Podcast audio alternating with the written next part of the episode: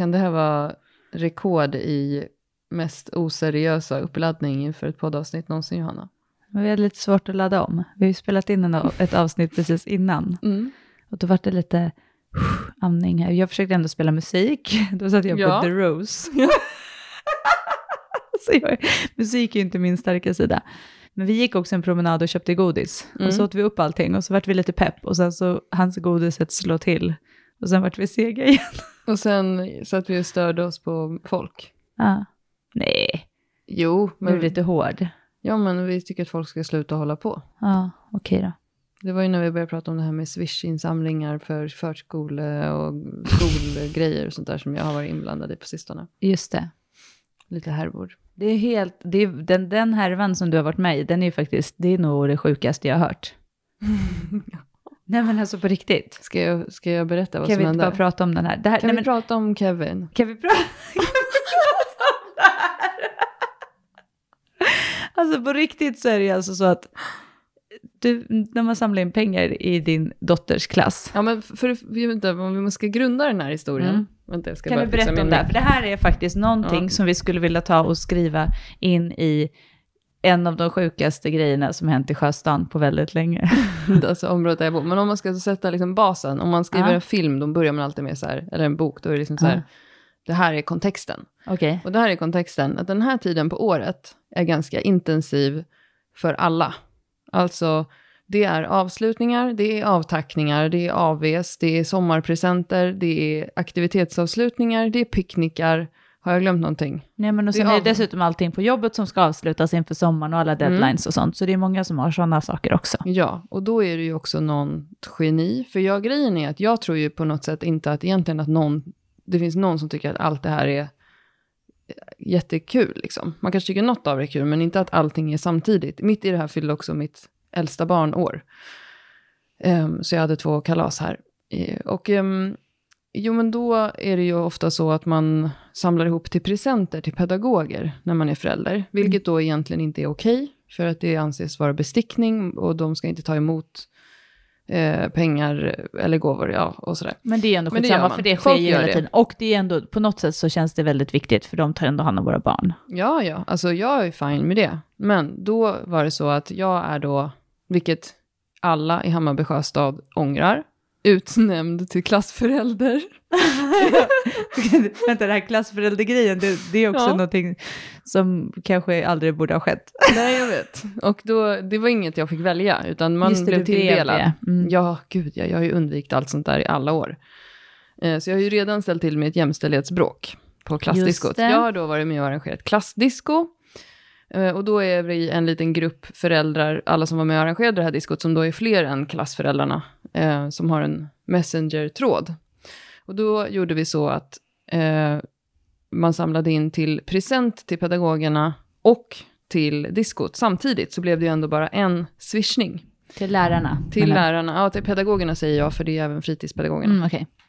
De jobbar med integrerat fritids på min Mm. skola, så alla jobbar tillsammans. okej. Ehm, och då Fint. gjorde de så att ehm, alla inköp som var till diskot eh, drogs av och sen så pengarna som blev kvar sa vi då, men då går det till present. Och sen så hände det inte så mycket med det och sen hörde mamman som hade samlat in pengarna på sitt konto av sig i tråden och sa att hon har nu 1600 kronor på sitt konto eh, som blev över efter diskot. Eh, men hon har inte tid att fixa någon present, och undrade om någon kunde göra det och så var det ingen som sa någonting. Och sen sa hon till igen, eh, hon, efter några dagar. Och då sa jag, eh, ska vi inte köpa ett presentkort på Urban Deli, som är en restaurang som typ alla gillar. Eh, för de brukar få ett gemensamt presentkort på att gå ut tillsammans, det brukar de tycka är kul. Eh, jag kan köpa det, sa jag, för jag ska dit idag och handla. Ehm, och då så sa hon typ, jättebra, men jag vill att du visar upp ett kvitto på att du har köpt det här presentkortet innan jag swishar dig pengarna. Alltså vänta, stopp här nu, bara det här. Mm. Ett, hon har utsett sig själv till någon så här, jag är chef över pengarna. Mm. Eh, och två, då ska du alltså lägga ut för en present för 1600 kronor Ja, totalt. För att hon sen ska swisha dig för att hon ska se ett kvitto på att du har gjort ett köp. mm. Alltså, då, då tyckte jag ju att du kunde be henne göra en kvittoredovisning på allt som hon har gjort. ja men det är ju det. Helt det är ju sjukt. det. Alltså, Vad är det Då- för människor? Ja, och då också, tänk då att då anklagar hon mig för att ta de här pengarna. Eh, och sen ska jag då gå, komma till skolavslutningen och bara, nej det bidde ingen present. Och så ska jag ha barn med de här föräldrarna i skolan i två år men- till. Alltså hur tänkte hon, hur tänker hon då? Alltså jag förstår inte riktigt. Jag vill ju veta så här hur det här har gått vidare, men du skrev ju bara ett meddelande tillbaka, sen gick ju du ur den här gruppen, för du Ja. bara, jag pallar inte. Jag åkte och handlade det där presentkortet, la upp en bild och så skrev jag så här, typ att, eh, att, att jag blev väldigt upprörd över att hon insinuerar att jag ska sno pengarna och att pengarna är lika lite hennes som de är mina. Mm. Och att nu undrar jag om hon ska swisha mig eller om, jag, eller om hon ska sno dem från mig. Eh, och att jag hoppas att jag aldrig mer behöver arrangera något ihop med henne igen. Och typ, och jo, och så la jag även till att sopsäckarna och stämpeldynorna som jag la ut för till diskot, som inte jag har fått några pengar för, eh, bjuder jag på, vänligen. typ, Då var det en annan mamma som skrev att jag hade en otrevlig ton. Mm. Och då gick jag ur gruppen. Ja, ja. Ridå. Ridå. Alla men alltså, det, här, det här är ju helt, jag tycker att det är ändå rätt intressant vad det är för människor. Liksom. Ja, men det är också så här, alltså också, det är så typiskt det här området där jag bor. För nu är jag ändå ensamstående med en marginaliserad ekonomi, eller vänta, marginaliserad, men begränsad ekonomi. Ehm, alltså att förvänta sig då att jag ska ha 1600 att lägga ut på någonting. Och dessutom, det som också var roligt var att hon swishade inte mig direkt heller. Eh, så att, och då hade jag ju barnkalas här och alla höll på att skratta åt det här. Eh, alla i min familj blev ju jätteupprörda över det här. Ja, men det är helt sjukt. Ehm, och då pratade vi om att om hon inte skulle swisha mig pengarna eh, skulle jag polisanmäla henne. Herregud. Alltså fatta dramat. Alltså, Gud, alltså. Men jag förstår liksom, ja, det, jag tycker att ehm, det är ett tecken på en väldigt eh, tragisk människosyn. Som är Mm. verkligen det här vi och dem. Och det finns väldigt många sådana här i det här området där jag bor. Jag har ju döpt det på Instagram, den incheckningen här till mellanchefsgettot. Att det är så här folk som får, vill vara chef men får skit både från sin chef och underifrån. Och därför är det lite så här allmänt förtryckta mellanchefs... Så, och sen att de liksom har, de har inga riktiga problem, men de är väldigt mycket så här, i den här Facebookgruppen då, som är här lokal, så är det väldigt mycket så här vi och dem-känsla hela tiden. Att nu är det, nu är det okända här. Nu Mm. vi såg två ungdomar med keps gå ner eh, till Luma torg, typ, kan de ju skriva och sånt där. Alltså det är väldigt mycket så här, man är rädd för omvärlden. Det var någon skottlossning här för ett tag sedan. Och då var det flera som skrev så här, eh, alltså det här är också så jäkla sjukt, så här, "Ja, i min port bor en person som har ett brottsregister. För då har de kollat upp det, typ. Och då är folk så här, men alltså din jävla beep, alltså om du ska så här, hålla på och skjuta någon, gör du det hemma hos dig då, i det området där du bor? Alltså det behöver, bara för att det är ett brott där du bor betyder inte det att det är någon granne som har skjutit någon annan. Alltså, det är så, folk är så jävla slut här. Okej, så det här var peppen inför det här avsnittet. Vi satt ju och pratade om det här. Ja, Om men det att- är ju hysteriskt med det här. Alltså som sagt, om man ska knyta ihop säcken då ur kontexten. Den här tiden på året är hysterisk. Och om man har barn då så är den ännu mer hysterisk. Och om man har flera barn så förväntas man också eh, lägga ut, alltså det är två picknickar som jag ska gå på på skolavslutningen och då har de också kommit på att det ska vara knytis på den ena picknicken så att man ska ta med fika till alla och det är liksom 60 barn. Alltså jag orkar. Men ni har ju helt märkliga Jag grejer brukar här. köpa ett paket ballerina till de där picknickarna. Ja, eller typ något på Donken och gå på det. Man får, alltså vad tänker folk? Att just i den här veckan när det är som mest intensivt på jobbet och allting, då ska man ställa sig och baka. Är, Nej, alltså, men baka behöver man inte. Ballerina Ah. går alldeles utmärkt. Men det är också så här, varför drar man igång så att man ska ha en Knytis. picknick med alla? Eller eh, precis, en Ja. knytis. Varför kan man inte bara ta med till sina egna barn? Ja, och Fan. ingen vill ju vara på den där picknicken. Alltså, allvarligt talat. Vem vill vara på picknicken? Men, alltså, jag älskar vissa personer eh, och deras barn och deras föräldrar i min, mina döttrars klass. Det finns jättemånga trevliga här. Men att jag har ingen behov av att gå på picknick med liksom 60 föräldrar. Jag har inte det. Alltså, jag har jättemycket att göra. Alltså, jag är ledsen. Och du behöver inte säga något Johanna, för jag vet att du tycker det är jobbigt. Men jag tror inte du tycker att det är så intressant heller. Nej, men vi har inte så mycket sådana där. Ja, ni har extremt, det har vi sagt förut. Alltså, vi har inte alls samma mängd som ni har. Nej. Det är alltså definitivt ingen som skulle hitta på att man skulle ha en picknick för alla barnen och ta med sig sitt bidrag. Åh, Då skulle det liksom, det är inte någon som kör den. jag tar med lite såna här bars från Mm. eken. Nej, jag kan ju ta med korv. Ja, korv, vi har asbra fryst korv och också. Ja, fan vad skönt. Lite mer chill. Ja. Ja, Men jag, vet tänker inte. också i det här området, en så här typisk grej nu, att när, om du skulle ta med de här ballerinakex, typ två Ja. paket, så det skulle räcka till all, ett till varje barn, då skulle du också få halva gänget eh, av alla som är glutenintoleranta också, också efter dig, för att de Ja, ja, inte ja. har köpt så. Så det är också, Mm. det är, och den har du ju också ganska hårt i den här regionen. Verkligen. Ja, men alla har ju någon slags specialkost Och här. då blir ju folk också lite arga om man inte har tagit hänsyn till det. Det är inte så att man bara, oj ursäkta, jag visste, du kanske inte tänkte på det. Det är så här, Mm. det jag tog med mig här liksom. Utan Mm. då blir de typ arga för att man inte har tänkt på det. Ja, Så absolut. är det ju. Det Alla måste liksom- vara inkluderade och det är ju jättebra. Men då tycker jag att man kanske inte behöver ha en picknick då. Nej, inte för alla. Nog pratat om det här, men den här perioden är lite bananas. Men snart, Snart kommer alla fortsätta älska mig i Hammarby Sjöstad. Det är så roligt. nej Jag- du kommer snart inte vara älskad. Jag har ju ändå sagt så här, har du funderat på stadsflykt? Ja, men, alltså, men det är ju lite så här, jag bor ju inte här för att jag älskar folket här. Jag bor ju här för att jag hamnade här när jag eh, blev gravid med mitt första barn. Men nu har ju mina barn sitt sociala nätverk här och de kan gå överallt själva här. Eh, så det är ju det är ju därför jag bor här. Men alltså det är ju en extremt, eh, det är ju väldigt vitt här liksom. Ehm, och tyvärr så är det också väldigt mycket Sverigedemokrater här. Det finns många saker som är dåliga här. Men vi har vatten och vi har fyra bävrar. Det är alltid något. Och jag skrattar för mig själv varje gång någon skriver att bävrarna har tuggat på deras jäkla träd, på deras fina uteplatser, för deras fina utsikter som... Det sänker värdet. Kan jag få komma in i den här gruppen?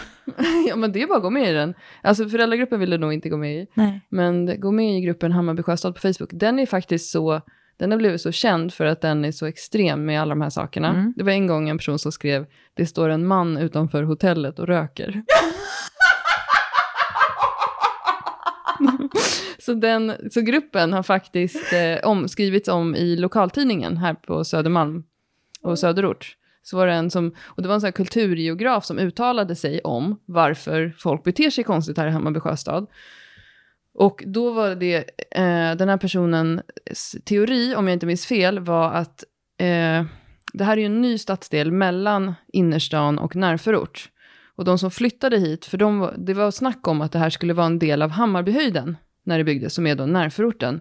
Men sen, men de som bor här vill väldigt gärna att det ska vara en del av innerstan. Så då man känner sig lite så här att man sparkar uppåt när man bor här och blir väldigt så här lokalpatriotiska för att man vill visa att man är lite viktig och man vill inte vara förort. Mhm. Och det kan vara en del i grunden till beteendet som är här. Mm. Eh, det är ju helt sinnessjukt. Folk har ju inget liv här. Skärpning.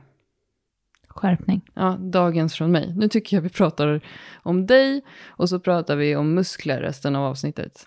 Ja, jag är inte känd för att vara bekväm i olika sammanhang.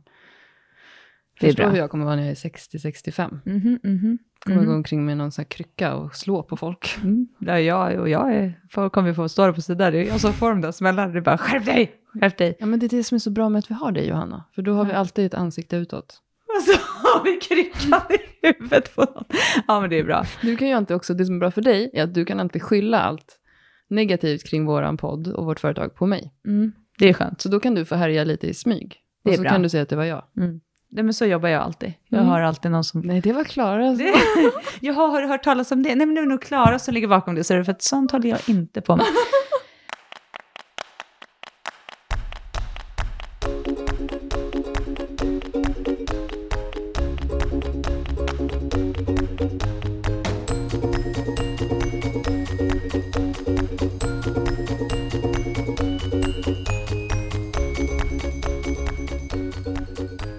Ja, men du då? Du har, du har inte haft massa hysteriska eh, veckor. Du har ju köttat eh, den mest voluminösa, skulle jag säga, veckan i ditt toppningsprogram håller du på med nu. Mm. Ja, det, man, kan, man kan säga nu att det är väldigt mycket volym. Det tar väldigt lång tid, mina pass. Och jag har typ en ständig anspänning i hela underkroppen framför allt. Eh, alltså jag kan inte sitta så mycket länge på I rumpan. underlivet. I underlivet. Jag kan inte sitta på rumpan så länge för att den är så jäkla spänd så jag- det blir helt öm typ. Ja, så jag, alltså mina ben och min rumpa är ständigt anspända eh, av alla böj och mark. Men eh, det Du har gått upp till tunga singlar den här veckan, va? Yes, tunga singlar har jag gjort, och, eh, vilket har gått skitbra. Alltså det känns, eh, böjen är ju är jag ju uppe och gör tyngre singlar nu än vad jag gjorde motsvarande period i förra toppningen. Mm. Vilket för mig är så här bra check på att det går väldigt bra. Så jag har, hybrisen is back. Eh, jag känner så här redan, nu har jag ju börjat ehm, jag har börjat kolla lite, så här, snegla lite på, man kan ju få så individuella medaljer i varje lyft, Mm. Alltså i, eh, under SM. Så att även, Även om om det man bommar ut sig i böjen så det kan man vinna i ja, bänken. men en, precis, man har ju såklart totalen, det är ju den som är den viktigaste, liksom. det är den som är så här, mm. check. Men sen så kan man ju då få etta, tvåa, trea i varje del, alltså så här i marklyft. Vad är världsrekordet i minus 72 klassiskt styrkelyft, Johanna? Jag vet faktiskt inte. Det måste borde vi kolla veta. upp. Ja, det måste vi kolla upp. Men jag kan ju säga att juniorvärldsrekordet tog ju Ida Rönn Just det. idag, Mm. som, som eh, startar i samma startfält som mig på Ja. SM. Ja. Så, Men hon är junior, men hon startar ändå... Nej, men hon tävlar ju senior, för hon är så jävla bra. Hon krossar ju, Hon ju seniorerna i Sverige. Ja! Alltså nu har hon, tävlar hon ju junior i VM, Mm. och då krossade hon ju inte dem, för det var ju jämnt, men det var väl typ hon och en till liksom. Men hon, Mm. då satte hon ju världsrekord. Hon gjorde så jävla cool, alltså hon är så jävla cool. Hon failade i sitt andra. Hon failade andra bänken, marken, förlåt. Eh, eh, hon failade den på 222,5, 20. Mm. vilket hade varit ett pers för henne, för hon hade 220 tror jag innan. Mm. Faila det. Och sen, det här har jag nu lärt mig då, i marken då så har man, får man ändra två gånger, får man ändra sin sista vikt. Mm. Vilket då gjorde att när hon failade den så la hon att hon skulle ta 230 i sista lyftet. Mm. För då hamnar hon sist och lyfta.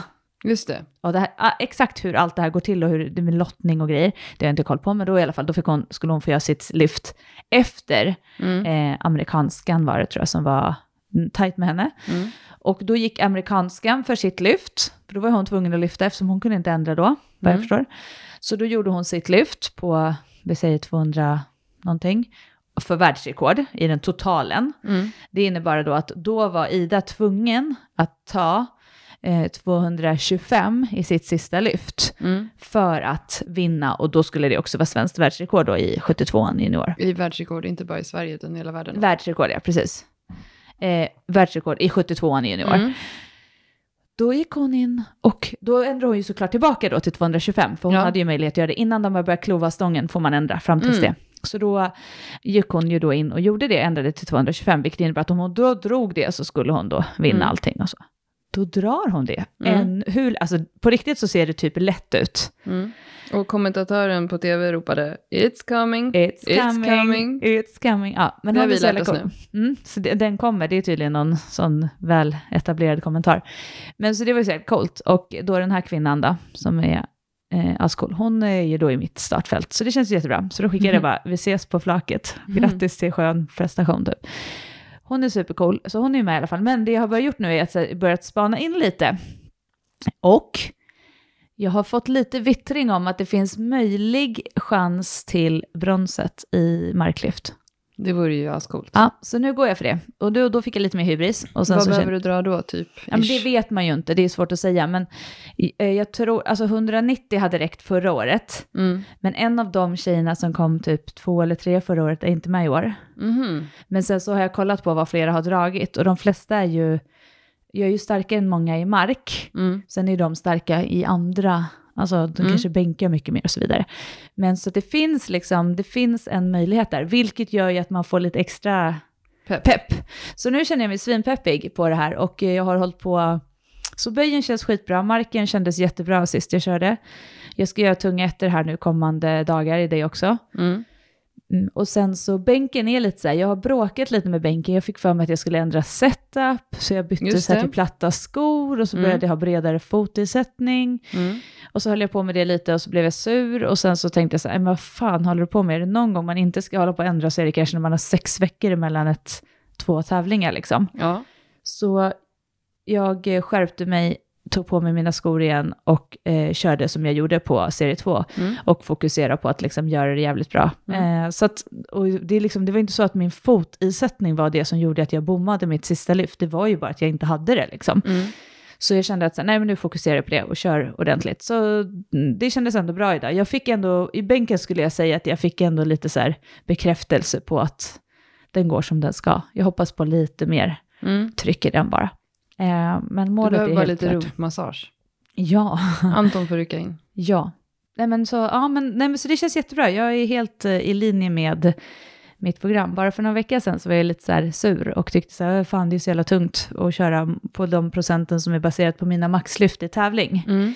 Och du har ju varit hela tiden så här, men det kommer inte vara avgörande om du gör fem eller tio kilo mindre än vad som står i procenten. Mm. Typ gör dina lyft, se till att de är fina.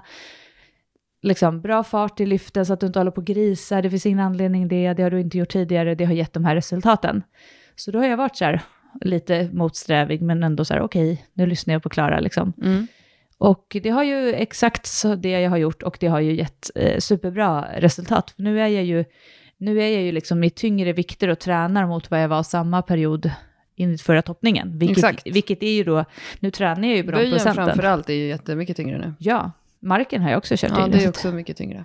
Så att, eh, och det är ju ganska stor skillnad i och med att jag tränade ju på att jag hade ett max på 125 i böjen Ja, innan tävling och sen så gjorde jag 140 och så räknade jag om alla mina resultat då och skulle träna på procent av 140 vilket innebär att det blir ganska stor skillnad. ja. Eh, så att, att jag var ju aldrig över 115 kilo nästan och tränade Nej. i böjen och nu har jag gjort flera, flera lyft. Du var ju så rolig i början av den här toppnings toppningsperioden, för då skulle du göra femmor. Och så gick du in och gjorde första passet, så gjorde du femmor på 100. Och så sa du så här, uff, det kändes tungt, för då hade du också varit lite... Ja, det var ju skittungt att komma igång. Ja, jätte... du hade känt dig sliten och du hade haft lite ont i adduktorerna. mm. Och så gjorde du det och så, så sa du så här, ja, och för sig, jag tror inte jag har gjort femmor på 100 förut. Jag bara, vad fan. ja. Det är klart att det känns tungt då. Mm. Sluta hålla på. Steffi Cohen la ut ett inlägg på Instagram förra veckan där hon skrev att hon skulle ha egentligen kört sitt pass 15 kilo tyngre än vad hon gjorde. Men att det var för tungt den dagen. Och men att hon inte la någon värdering i det överhuvudtaget. För hennes erfarenhet har lärt henne att det spelar inte någon roll med tunga pass då och då.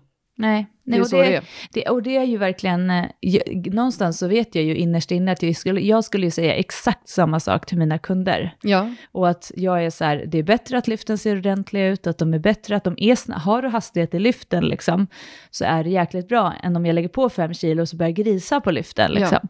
Så jag vet ju det, men nu kändes, jag- kände jag ju så här idag, fan nu känns ju de här lyften, när jag skulle göra mina treor på 80% eller vad jag gjorde idag, efter jag hade gjort tunga ettor, ja. Så bara helt plötsligt kändes det så här, fan de här var inte så jävla tunga längre. Mm. Alltså, och det är klart det är mentalt att ta av en tu- alltså, vikt från en stång och göra sen back-off-set, men det är ändå så här, jag har det i kroppen. Så nu, jag Den är kommer. skitpeppad, den, Den kommer. kommer. Jag är jävligt peppad för, eh, nu svor jag igen, jag ber om ursäkt för er som tycker det är jobbigt.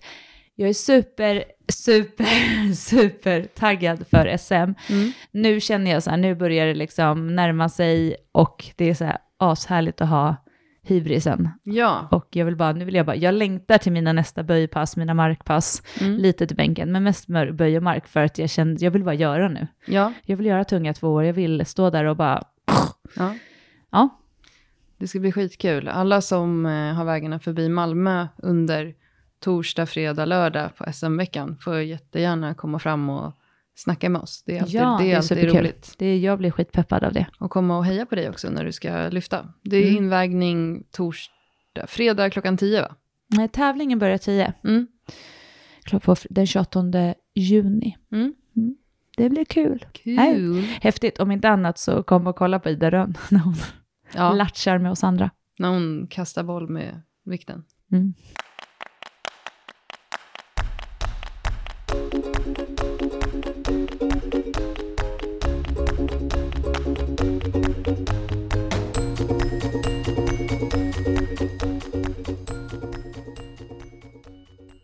Men du Johanna, apropå dina vikter och dina lyft. Det kommer en lyssnarfråga. Vad är grejen med att ta upp armarna vid inandning innan man böjer sig ner? Jag har sett någon mer göra det. Bättre inandning eller bara tics? Tack för en bra podd. Från Rasmus. Mm. Alla gör ju lite olika tics såklart. Så det är, jag, jag gör ju faktiskt, om jag ska vara ärlig, så gör jag med fingrarna, så fladdrar jag med fingrarna innan, Ja. innan jag Lite gör så det. torka nagellacket på Ja, naglarna. men, jag vet inte, jag, det har inte jag tänkt på. Jag ser det på, sett det på filmer, att Det jag roliga liksom fladdrar med fingrarna. Din äldsta dotter Moa Mm. hade ju också sett att du gjorde det. Så när du tog med henne till jobbet för att hon Ja. skulle få testa marklyft så noterade ju du att när hon ställer sig vid stången så gör hon Ja, så hon fladdrar med fingrarna. och så frågade jag, då sa hon, det gör du mamma. Ja, nej men eh, just när man tar upp armarna som eh, Marianne, våran eh, goda vän och mentor och Vådas PT-kund. ja, hon sa ju eh, lite så här att hon bara, det är lite som så här, Jesus som reser sig över vattnet typ, att du Mm. upp med armarna och bara... Men för mig är det ju så, jag gör ju det för att få in lite mera buktryck i bältet. Alltså när jag reser mig upp och tar in luft Mm. och sen trycker ner dem så får jag lite bättre tryck mot bältet. Mm. Och sen, så att för mig är det buktryck, så det är andningen. Alltså och hur tar får, du in luft? För det här brukar vi prata om på våra workshops i marklyft. Eh. Hur, var och när andas du in i ett marklyft? Men jag ställer mig till stången och sen så, eh, så står jag med fingrarna och skakar dem lite sådär. Och sen lyfter jag upp armarna Mm. och då när jag andas in Mm. så expanderar magen. Mm. Och sen så när jag då drar ner, trycker ner armarna ner till stången så dels så slår jag på latsen tryck. och så får jag ett ökat tryck i buken, vilket Ja. gör att det blir ett hårdare tryck mot bältet. Ja. Så ställer jag mig ner och tar tag i stången Mm. och så rycker jag stången lite. Mm. Och sen så pyser jag ut lite, lite luft och drar in ny, lite ny luft så att jag får För liksom... då har du ändå hållit det ganska länge. Ja, så jag har, ja, precis. Så att det är bara för att pysa lite. Och sen spänner jag till. Och sen Mm. så squeezar jag golvet och trycker Mm. och drar. Men... Eh, Man då, kan ju testa lite olika. Vi brukar Ja. ju också visa så när man ska öva med bälte första gången. Just att börja med att göra som du gör, dra in luft, spänna och sen ta ner armarna. För ofta får man ett ökat tryck Ja. och då får man en förståelse för hur det ska kännas. hur det ska kännas. Jag gör inte så, men å andra sidan så gör jag väldigt lite ma- marklyft. Eh, men eh, allting annat som du eh, säger nu gör jag. Ja. Men, jag tror, men sen blir det också lite att man skapar sig någon typ av... Det blir som en Ritual. ritual och liksom att man har lite tics och sånt. Mm. Jag gör ju väldigt lite tics mot vad vissa har. Ja, Men just det här att jag vill ju lägga så lite energi som möjligt på saker runt om. Mm. Eh, jag vill känna så här, jag ska bara gå fram och göra min grej. Men just det där med armarna och att få ett högre tryck, det upplever jag är mycket funktion också. Det är inte bara att det blir ett tics, nej. utan det är att jag får ett större tryck. Vi brukar ju rekommendera folk på våra workshops och sådär att inte jämföra med vad folk som de ser på typ eh, stora Instagram som Tyngres och så här repostar när de gör sina maxlyft. För att många har väldigt mycket tics, men många som de repostar är ju på väldigt hög nivå. Och som motionär och vanlig människa så är det bättre att man lär sig in att göra så lite grejer som möjligt i sin setup. Så att den är så enkel som möjligt så att man inte behöver lägga så mycket energi på det utan lägga energi på att dra upp stången istället. Eh, men för det är vanligt att man ser folk som till exempel rullar ut stången från kroppen innan de rullar tillbaka och drar upp igen och sådana där saker. Och, um, det, man ska inte jämföra med folk som tävlar på hög nivå i alla fall. Alltså försök att bara gå fram till stången, spänn dig, dra upp den. Ja, men det det handlar om främst är att hitta en setup där du känner att du får det tryck i kroppen som du vill ha. För du vill ju vara anspänd om du ska dra ett tungt, alltså du vill ju vara anspänd i alla dina lyft, men ska du dra ett tungt lyft, då är det onödigt om det finns någon minsta lilla gnutta luft eller tryck du hade kunnat få till för att du inte gör en Exakt. bra setup liksom. Men absolut. Så hitta ett sätt där du får bra buktryck och hitta en setup som är så automatiserad som möjligt så att du inte behöver lägga något fokus på vad du håller på med när du ska göra ditt max. Mm. Men det där är också alltid roligt när vi har maxningar på våra workshops och så för det är ju alltid då också som folk börjar göra någonting helt annat. Ja, när de ska göra de tunga lyften ja. Mm, för att då, tänk, då helt plötsligt börjar man tänka så här, men ska jag flytta ut lite eller ska jag ändra lite här? Och så börjar hjärnan liksom hålla på. ja. Men har man en sån där ritual, ändra inte det då. Kör Nej. på den. För då, Yes. då behöver du inte tänka någonting på det. Jag tycker det är så kul nu när, det, när eh, eh, styrkelyfts-VM håller på här i Helsingborg. Ja. Just att titta på vad gör de och sen lyssna på kommentatorerna. Det Mm. tycker jag är så, för jag har ju aldrig, alltså jag är ju så ny i den här sporten. Alltså Mm. jag har ju inte, jag har ju kollat absolut där när Matilda Wilmar har kört lite förut och så här, men så mycket som jag har följt det här de här dagarna är ju liksom, typ, jag har kollat på liksom verkligen alla olika Mm. viktklasser och sådär. Och det är superkul att kolla på, på när de kör. Att Ja. just så här hur de gör och vissa hur de, just hur man ser hur de gör för att skapa liksom tryck och hur de andas och står och så. Det är superkul Ja. kolla på alla. Jag håller med. Det finns ju galet många starka eh, människor där Det gör som det gör sina lyft. Det är kul. Bra pepp, alltså man blir peppad över det. Så nu är det bara att fortsätta rida på hybrisvågen framåt.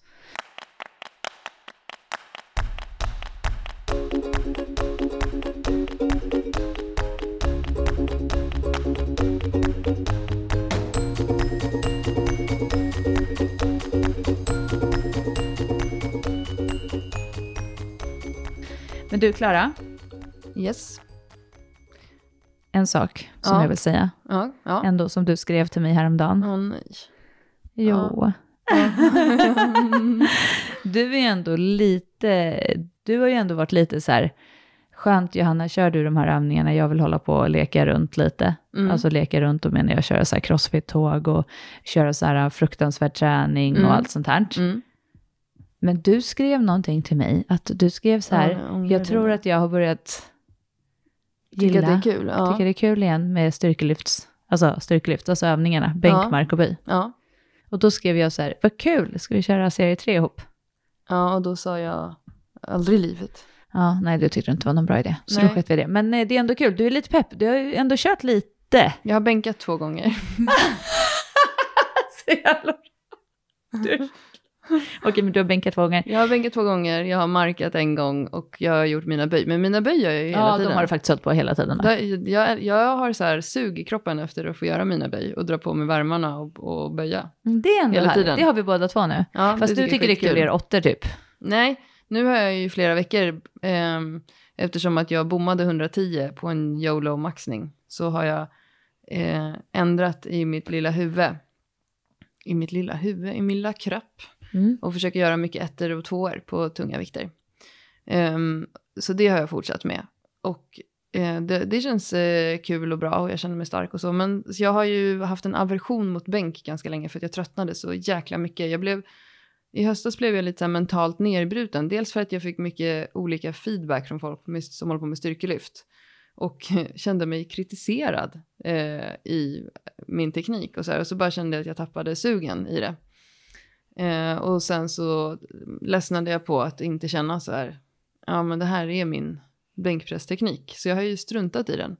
Men nu har jag tränat lite bänk igen och eh, jag provade ju att gå upp och göra en tung singel för att ha någon slags utgångsläge. Och då hade jag ju blivit då avsevärt mycket svagare i bänk, vilket inte är något konstigt när man Nej, inte bänkar. verkligen inte. Men, och då fick jag upp 65 kilo. Ganska lätt. Eh, och så tyckte jag att det kändes jättetungt. Och sen andra gången jag bänkade nu så gjorde jag två år på 60. Och eh, det... Ja, men då har jag bänkat tre gånger faktiskt. Men, eh, och tredje gången så gjorde jag stoppbänk med tre sekunders stopp. Och det känns väldigt bra. Två år på 60 var förvånansvärt eh, bra. Så att, vill jag ändå ja. lägga till i det här också, Mm. utan att på något sätt lägga någon värdering i kroppsvikt. Mm. Men 65 är väl ändå mer än din kroppsvikt? Ja, ja. Exakt. Ja, men ja. Exakt. Men jag har ju varit ganska stark i bänk. Ja, du är stark i bänk, men det är det jag menar, det är inte ett dåligt lyft på 65 liksom. Nej, nej. Fan, jag bommade, jag lyfte 75 Mm. på tävling liksom. Ja. Ja, Ehm, som tränar bänk typ tre gånger i veckan. Ja. Nej, men så att, eh, och sen så har jag tränat med eh, Mariana, vår kompis som är styrkelyftare och även domare i styrkelyft. Och så har jag varit med och kört med henne. Eh, de är ett gäng som kör på Friskis och Svettis i Stockholm från olika klubbar och sådär. Eh, de kallas för Stammen. Några av dem kör tyngdlyftning och några av dem kör bara gymmar och sen är det lite styrkelyftare. Och det är ju väldigt mysigt att hänga med dem för det är ju mysiga människor och då är det också kul att köra på riktig styrkelyftsutrustning. Eleiko eh, bänk och eh, styrkelyftstång. Och det har också faktiskt varit kul. Och jag gjorde faktiskt också mina tyngsta tvåor i mark häromdagen. Utan att eh, känna att det var speciellt galet för kroppen. Eh, eftersom att jag aldrig gör marklyft för att jag kommer inte ner till stången typ. Eh, med mina taxarmar. Ehm, och då tänkte jag så här, det, jag blev också väldigt trött eh, för att Mariana kör eh, Alexander Erikssons eh, styrkelyftsprogram för tre pass i veckan som finns att köpa i Tyngres webbshop. Nu är vi lite reklam för dem. Ehm, och det är sjukt mycket volym i de passen. Eh, du har ju också kört det programmet, Ja. Anna. Eh, och jag har också kört det programmet förra året. Jag Och gillar det, som fan. det är ett skitbra program som faktiskt har mycket likheter med våra program, Bli en beefcake. Eh, där vi ändå måste poängtera att vi släppte det innan vi körde hans program. Men det är väldigt mycket fokus på assistansövningarna i det också. Och jag tror att vi hade fem assistansövningar eller sex i det passet vi körde nu sist. Och man blir ju helt jäkla slut på samma sätt som man blir nästan av cardio.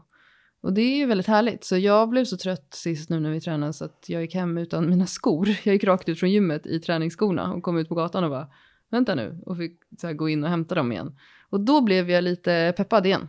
Mm. Men jag tror, ja, jag har väl känt lite så här, just det här att det är så mycket detaljer och det är så mycket hit och dit. Och just det här att styrkelyftare är ju så här, både du och jag är så här, kan vi lägga ut det här klippet till exempel när vi tränar? Frågar ju du och jag varandra. För att, du vet, kommer du ihåg när du gjorde gympers i bänk på 82 eller vad det var? Mm. Ehm, då var ju det touch and go-bänk. Mm. Hur lång tid tog det? Tre minuter Mm. innan det kommer någon styrkelyftare och bara, du kanske borde träna med stopp. Och man bara, ja men jag kanske gör det. Alltså jag kanske inte Ja. är en helt idiot. Och det är där jag, alltså, kan, eh, jag blir lika irriterad på hela den där världen som jag blir på Hammarby Sjöstads Facebookgrupp. Som gör mig väldigt osugen på den. Punkt, typ. Jag, Okej, nej, men det var jättekul Klara att du tyckte att det var roligt att bänka igen. Fan vad du är arg idag. ja, jag, Ah. jag har haft en intensiv vecka. Ja, men det är okej. Om det är någon Eh, som vill bråka med mig så kan man skriva något elakt till mig på Instagram så kan man få Ja, då avhyvling. får man en avhyvling. Men det är liksom Om man är inte... masochist eller någonting och vill bli skälld på. Ja. Hör av er till mig. Mm. Jag kan skälla. Ja, eller, eller sluta höra av med min konstiga grejer. Ja, kanske. Jag kanske borde... Jag, jag gick och käkade hamburgare med Lina, vår kompis, häromdagen. Och då skrev eh, min kille Markus till mig så här. Eh, skjut ingen, sossanmäl ingen, sätt telefonen på flygplansläge och ät mat vänligen. Ja, det är faktiskt bra. Det var bra. Han har lärt känna dig väl den här tiden. ja, men det är så det är. Det är ungefär som att man inte ska prata med dig innan du har fått kaffe på morgonen. Ungefär så. Mm. Nog om detta, nog om oss, nog om eh, sk- utskällningar och eh, styrkelyft. Ja. Vi ska prata om en annan sak idag, som är en fråga som vi får väldigt ofta eh, till podden. Och den frågan lyder, hur får man bättre hållning? Jag upplever att jag har väldigt framåtroterade axlar. Och det här är ju någonting som, vi träffar ju jättemycket vanliga människor i vårt jobb. Vi träffar mycket människor som jobbar vid datorer varje dag. Vi träffar mycket människor som vill också lyfta tunga vikter. Och då tänkte vi att det är alldeles utmärkt tillfälle att återigen tjata om det här, hur viktigt det är att faktiskt ta hand om ryggen. Eh, I första punkten, just hur man får en bättre hållning, skulle jag säga är också att man kanske måste öva lite på att ha en bättre hållning. För har man blivit väldigt så här, slafsig i sin hållning och man sitter ner väldigt mycket, så kommer man ju såklart hamna i den positionen. Men det underlättar ju också om man har en stark baksida. Och vi träffar ju ofta också personer som vill träna och lyfta vikter som typ inte har någon aktivering i musklerna på baksidan. För att man just är väldigt framåt dominant i hela sitt liv. Eh, så vi tänkte att vi skulle eh, dra igenom en lista på våra favoritövningar som vi kör själva, som vi kör med våra PT-kunder, som kan underlätta för den som vill ha en stark rygg. Och eh, som även ger mer hälsosamma axlar, eh, minskar skaderisken i de flesta övningar. Och en till grej som vi också älskar att trycka på till de som kommer och går våra workshops i knäböj till exempel. Om du får mer muskler på ryggen så kommer du också tycka att det är skönare att- lägga stången på ryggen. Du får liksom en hylla att lägga stången på. Så eh, let's do it, Johanna. Mhm, mhm. Första övningen, Mhm. då säger jag, det här är en, den övningen har vi ju pratat om Miljard. många gånger. Miljard. Och jag skulle säga att jag gör den eh, många gånger varje vecka. Mm. Isärdrag med gummiband. Band Jajamän. pull apart, eller något sånt heter den på Mm. engelska. Just det. Det är alltså att du har ett gummiband, du tar och sträcker på dina armar rakt fram, tar tag i gummibandet med handryggen uppåt, Mm. eh, lite bredare än axelbrett, ha inte för eh, tungt band eller för liksom smalt handgrepp. För att då kommer du börja göra konstiga saker och inte kunna, det ska inte vara, det ska inte vara en tung övning. Nej. Eh, fram med händerna, handryggen uppåt, tryck tillbaka, liksom nästan knip åt mellan skulderbladen, tryck tillbaka axlarna Mm. och sen drar armarna rakt ut så att du fortsätter att klämma åt mellan skulderbladen. Så tanken är att man ska kunna tänka att det ska kunna ligga en penna där bak. Men det är det här som är grejen för många som inte är vana att använda baksidan och som är väldigt inaktiva. Mm. De får typ ingen glipa där mellan skulderbladen knappt. Nej, det, det finns inget att klämma ihop. Nej, men det är det som man ska tänka där. Att du ska liksom klämma åt. Driva med den delen på ryggen. Ja, det är inte armarna som jobbar. Nej, utan det är skulderbladen som ska trycka ihop. Exakt. Grymt bra övning. Jättebra som uppvärmning inför bänkpress. Ja, men också inför alla typer av axelövningar. Allt egentligen, vad du än ska göra med överkroppen så är det en bra övning att jobba med innan. Ja, så har man inte ett sånt där tunt powerband brukar de heta. Um, det, oftast är de röda, det finns orangea också, men just den tunnaste bandet mm. så kostar inte det många kronor att införskaffa och ha i sin gymväska. För många gym blir av med de här banden så de eh, antingen har de sådana som man kan låna eller så får man ta med sig själv.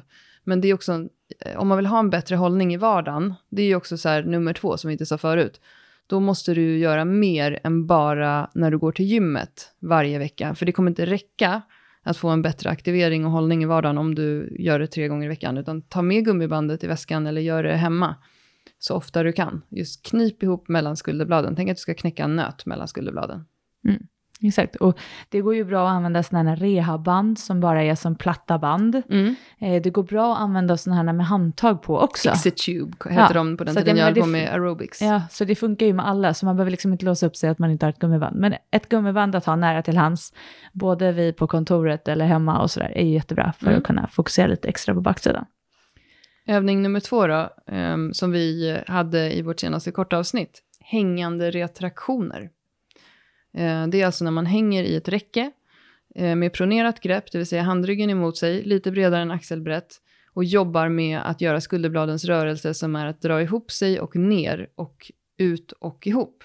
Och det här är precis som isärdragen, en rörelse som utgår också från att knipa ihop skulderbladen. Och eh, där ska man tänka på att inte använda armbågarna och dra ihop. Utan häng dig i ett räcke, spänn hela kroppen Eh, gör några stycken, hoppa ner. Om det blir tungt efter några stycken så vila lite, sen hoppa upp och gör igen. Då får man ju också med elevation och depression som är skulderbladens rörelse upp och ner.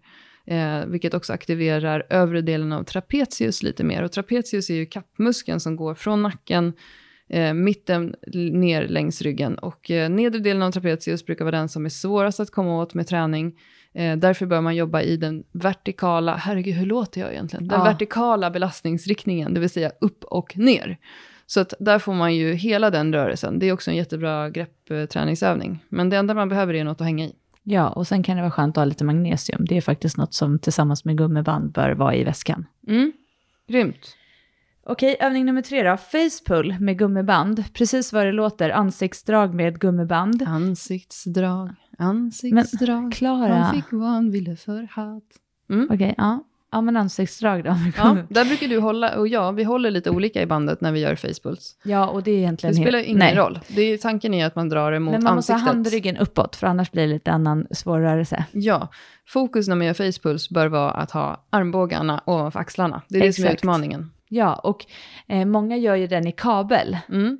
Så, och det går ju jättebra också, men gummiband blir lite mer uppvärmning. Kabeln kanske man använder det lite mer som en tyngre övning. Det gör jag väldigt sällan, det tror jag nästan är för tungt för mig. Jag har lite, den har jag, eftersom jag har lite så här kufos i bröstryggen, eh, så har jag lite svårt för den. Den är tuff för mig. Mm, ja, och den är ju en övning som många är så här, tycker ser lite skönt, när man har den som avslutning till exempel i ett mm. pass eller som uppvärmning, att det är så här, ja ah, skönt, men när man gör några repetitioner med den så blir det väldigt tungt, även om man har bara gummiband. Mm. Men just att alla de här övningarna, att man ska göra dem med kontroll, det handlar inte om att bara pumpa, Nej. utan att eh, du sätter gummibandet runt någonting i typ hak, ja, men mellan haka och, ö, haka och ögonhöjd, ish. Mm. Och sen så tar du tag gummibandet med handryggen uppåt och så ska du hålla axlarna eh, eller armbågarna över axlarna och sen dra mot ansiktet. Mm. Eh, och där har många jättesvårt att dra, att du hamnar med axlarna liksom neråt, så det är arm, händerna som drar mot typ näsan. Så just att tänka att man ska liksom uppåt, bakåt. Hellre lite lättare belastning då. Mm, om ja, man inte kan för det är det som oftast blir. Och just det här också, samma sak. Tänk att du ska knipa med skulderbladen. Det är skulderbladen egentligen som leder rörelsen. Det är inte så att det är viktigt, alltså armarna är inte det som, som styr, utan det är skulderbladen. De ska knipas åt. Så facepull med gummiband, superbra övning. Ja, och sen har vi alla olika typer av rodd med gummiband. Eh, då kan man jobba både med en låg rodd eller en hög rodd och då jobbar man ju mer med armbågarna längs kroppen. Eh, och även kabelrodd som vi har som nästa övning. Det är också en jättebra övning just för att komma åt hela romboideus och skulderbladsområdet på baksidan. Och just att göra som du sa nu Johanna, att tänka på kontakten i de övningarna. Så pausa gärna en sekund i eh, dragläget, alltså när du kniper åt med skulderbladen, så att du också känner att det är ryggen som jobbar. Det gör jag i alla mina roddövningar med kunder, Mm. skulle jag säga, ja typ alla kunder. Just att istället för att öka vikten oftast, Mm. eh, så brukar jag snarare göra tvärtom, att de får ta den vikten kanske brukar, eller ha lite lättare. Mm. Och sen så ska de just knipa och pausa några sekunder och nästan jobba excentriskt. Yes. Just av anledningen att då får de mycket bättre kontakt och de förstår vart de ska jobba. För att i roddövningar är det jättevanligt att man står och harvar och bara drar. Mm. Men det finns inte så mycket eh, arbete i själva skulderbladet, utan man jobbar mer med armen. Ja. Eh, och då, då tappar man också lite syftet med den övningen. Sen är det klart att ja, du kommer ju träna lite ändå, men Mm. du kommer få mycket bättre kontakt och kunna jobba bättre med övningen om du har mer fokus på vart du ska jobba. Och då är det just det här hela tiden, skulderbladen ska äga rörelsen. Yes. Nästa övning är IYT-rodd med TRX eller gummiband. Det är alltså en övning där man står upp. Eh, Det är en jättetuff övning skulle jag säga. Jag tror att den kallas scarecrow på engelska, alltså vad heter det? Fågelskrämma. Fågelskrämma, precis. Eh, Det är en av övningarna som Dan John, som jag gick en utbildning med för några år sedan, sa att det är så en av hans, de måste finnas med i alla träningsprogram.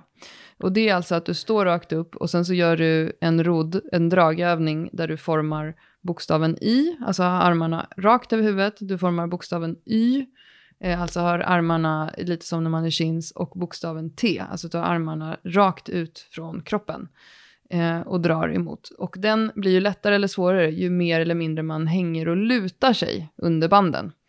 Men tycker man att den här är jätteknepig så kan man göra den liggande, magliggande på bänk med lätta hantlar. Då brukar jag eh, på vårt gym ta, be kunderna ta 1,25 kilos viktplattorna och jobba kanske 10 repetitioner i, 10 repetitioner i, 10 repetitioner T. Eh, det som blir skillnaden, stående eller liggande, är ju belastningsriktningen. Alltså om du släpper en hantel i luften så kommer den falla neråt. Eh, så att antingen så blir det att du står i en vertikal position eller så ligger du i en horisontell position. Men båda är ju också superjobbiga och där skulle jag också säga ta verkligen de här lätta vikterna. För att annars är det lätt att de stora musklerna i axlarna, till exempel deltoideus, tar över istället och jobbar. Så att du verkligen får jobba med de små musklerna runt axeln och insidan på skulderbladen. Mm, grymt. Rodd har vi varit inne på, men hantelrodd är också en övning som är fantastisk. Eh, och som jag sa när vi pratade om rodd eh, i några punkter innan, det här att ha kontakt, ha kontroll, stå inte bara och ryck i hanteln. Vi säger ju oftast så här, våga ta i lite mer, och det stämmer ju för många, Mm. men inte på bekostnad av att det blir att du står och vevar med och att det blir en liksom rörelse mest i axeln, utan en hantelrodd brukar jag tänka armbågen, tänk att du ska dra armbågen snett bakåt Mm. Eh, brukar det vara en bra, ganska bra cue när du står i till exempel med en hand och knä på bänk. Just det. Eh, men framförallt just att det är skulderbladen, det är inte, den ska inte bara fladdra i axeln så att du får en rörelse. Som, jag tänk, det ska inte bli som en sån här eh, robot som går så här, dut, dut, dut, utan du ska dra, ha lite kontakt på baksidan. Ja, och när det gäller eh, Eh, en övning som till exempel hantelrodd så är det ju så att ju mer stabil understödsyta du har, ju mer isolerat kan du jobba med rätt muskler. Du kan göra en hantelrodd stående med den armen som inte jobbar fri i luften. Då blir det ett större påslag för hela kroppen och bålen kommer få jobba mycket mer. Men du kan också till exempel lägga dig på mage på en snett lutad bänk och göra en typ av sälrodd med hantlar där du då kopplar ur resten av kroppen och bara får jobba med det här partiet. Eller som du sa, hand och knä på bänk som är den klassiska. Ehm, alltså ju mer stabil understödsyta, ju mer isolerad rörelse. Mm. Jag älskar framåtlutad hantelrodd på bänk, eh, Mm. alltså där man precis den här som du sa nu, där man ligger på bänken och gör som en sälrodd, Mm. fast med hantlar. Och jag gillar den just av anledningen att du kan komma knipa åt ännu mer i, topp, eh, i rörelsen i toppen Ja, jämfört med en skivstång, för där tar det ju emot mot underlaget eller mot bänken eller någonting om du gör en sälrodd. precis. Men just här att du verkligen kan knipa åt ordentligt och låsa till i toppläget, det gillar jag med den övningen. Just det. Eh, Nästa övning är enarmspress med hantel i neutralt grepp. Och grepp är ju någonting som vi pratat mycket om när vi pratar om chins och pull-ups. Men ett neutralt grepp är ju, jag brukar säga till mina kunder, med insett att jag är, jag är för gammal. Liksom. Jag brukar säga så här, håll den som en telefonlur, hanteln. Men, men liksom, är det en 90-talist så vet ju inte de vad en telefonlur är för någonting. Men att du vänder hanteln, inte så att den eh, hålls i ett pronerat grepp, utan att ar- handknogen går, eh, eller fasen, Jo, men som säger, knogen går uppåt. också lite. Ja, så, så. att du har liksom handfingrarna mot kinden. Och här kan man ju jobba stående, eller man kan jobba stående på knä, till exempel, om man vill ha mer bålengagemang. Men att man jobbar med eh, en press rakt upp som ska vara tajt och nära kroppen. För då får man jobba extra mycket just med skulderbladet. Och då involveras också det här med elevation och depression. När du håller skulderbladet på plats i den övningen. Ja, och att du låser ut den ordentligt. Mm. Så att du inte hamnar och fladdrar med handen långt utifrån, utan lås ut ordentligt. Och när du låser ut så är det nästan så att det ska nudda örat. Exakt. Armen alltså. Snyggt. Grymt. Overhead shrugs, eller hängande shrugs. Mm. Alltså det vill säga att du jobbar med hantlar eller någonting över huvudet på raka armar. Mm. Och egentligen också här, trycker skulderbladen neråt, alltså eller axlarna, men det är fortfarande raka armar. Exakt. Det här att- är ju den klassiska bodybuilding-övningen för att få stora trapezius, alltså övre delen av trapezius, kappmuskeln i nacken. Man kan ju också göra overhead shrugs hängande. Om man hänger eller om man står och jobbar upp och ner så blir det också olika, det blir ju öppen eller sluten kedja, det blir olika belastningsriktningar för skulderbladen också. Och där en hängande shrug eh, blir mer nedre delen av trapezius också. Ja, och du kan göra med en skivstång stående också över Mm. huvudet. Så den går att göra variera. Men, eh, Det är en axelryckning egentligen. Ja, men och den är en sån övning, så tar man den för tung med hand, för tunga hantlar, då kommer du inte kunna utföra den ordentligt. Nej, det är väldigt svårt då att känna att man Mm. rör skulderbladet upp och ner. Och det är en rörelse som många, inklusive jag, har svårt att känna att man verkligen får kontakt i. Mm.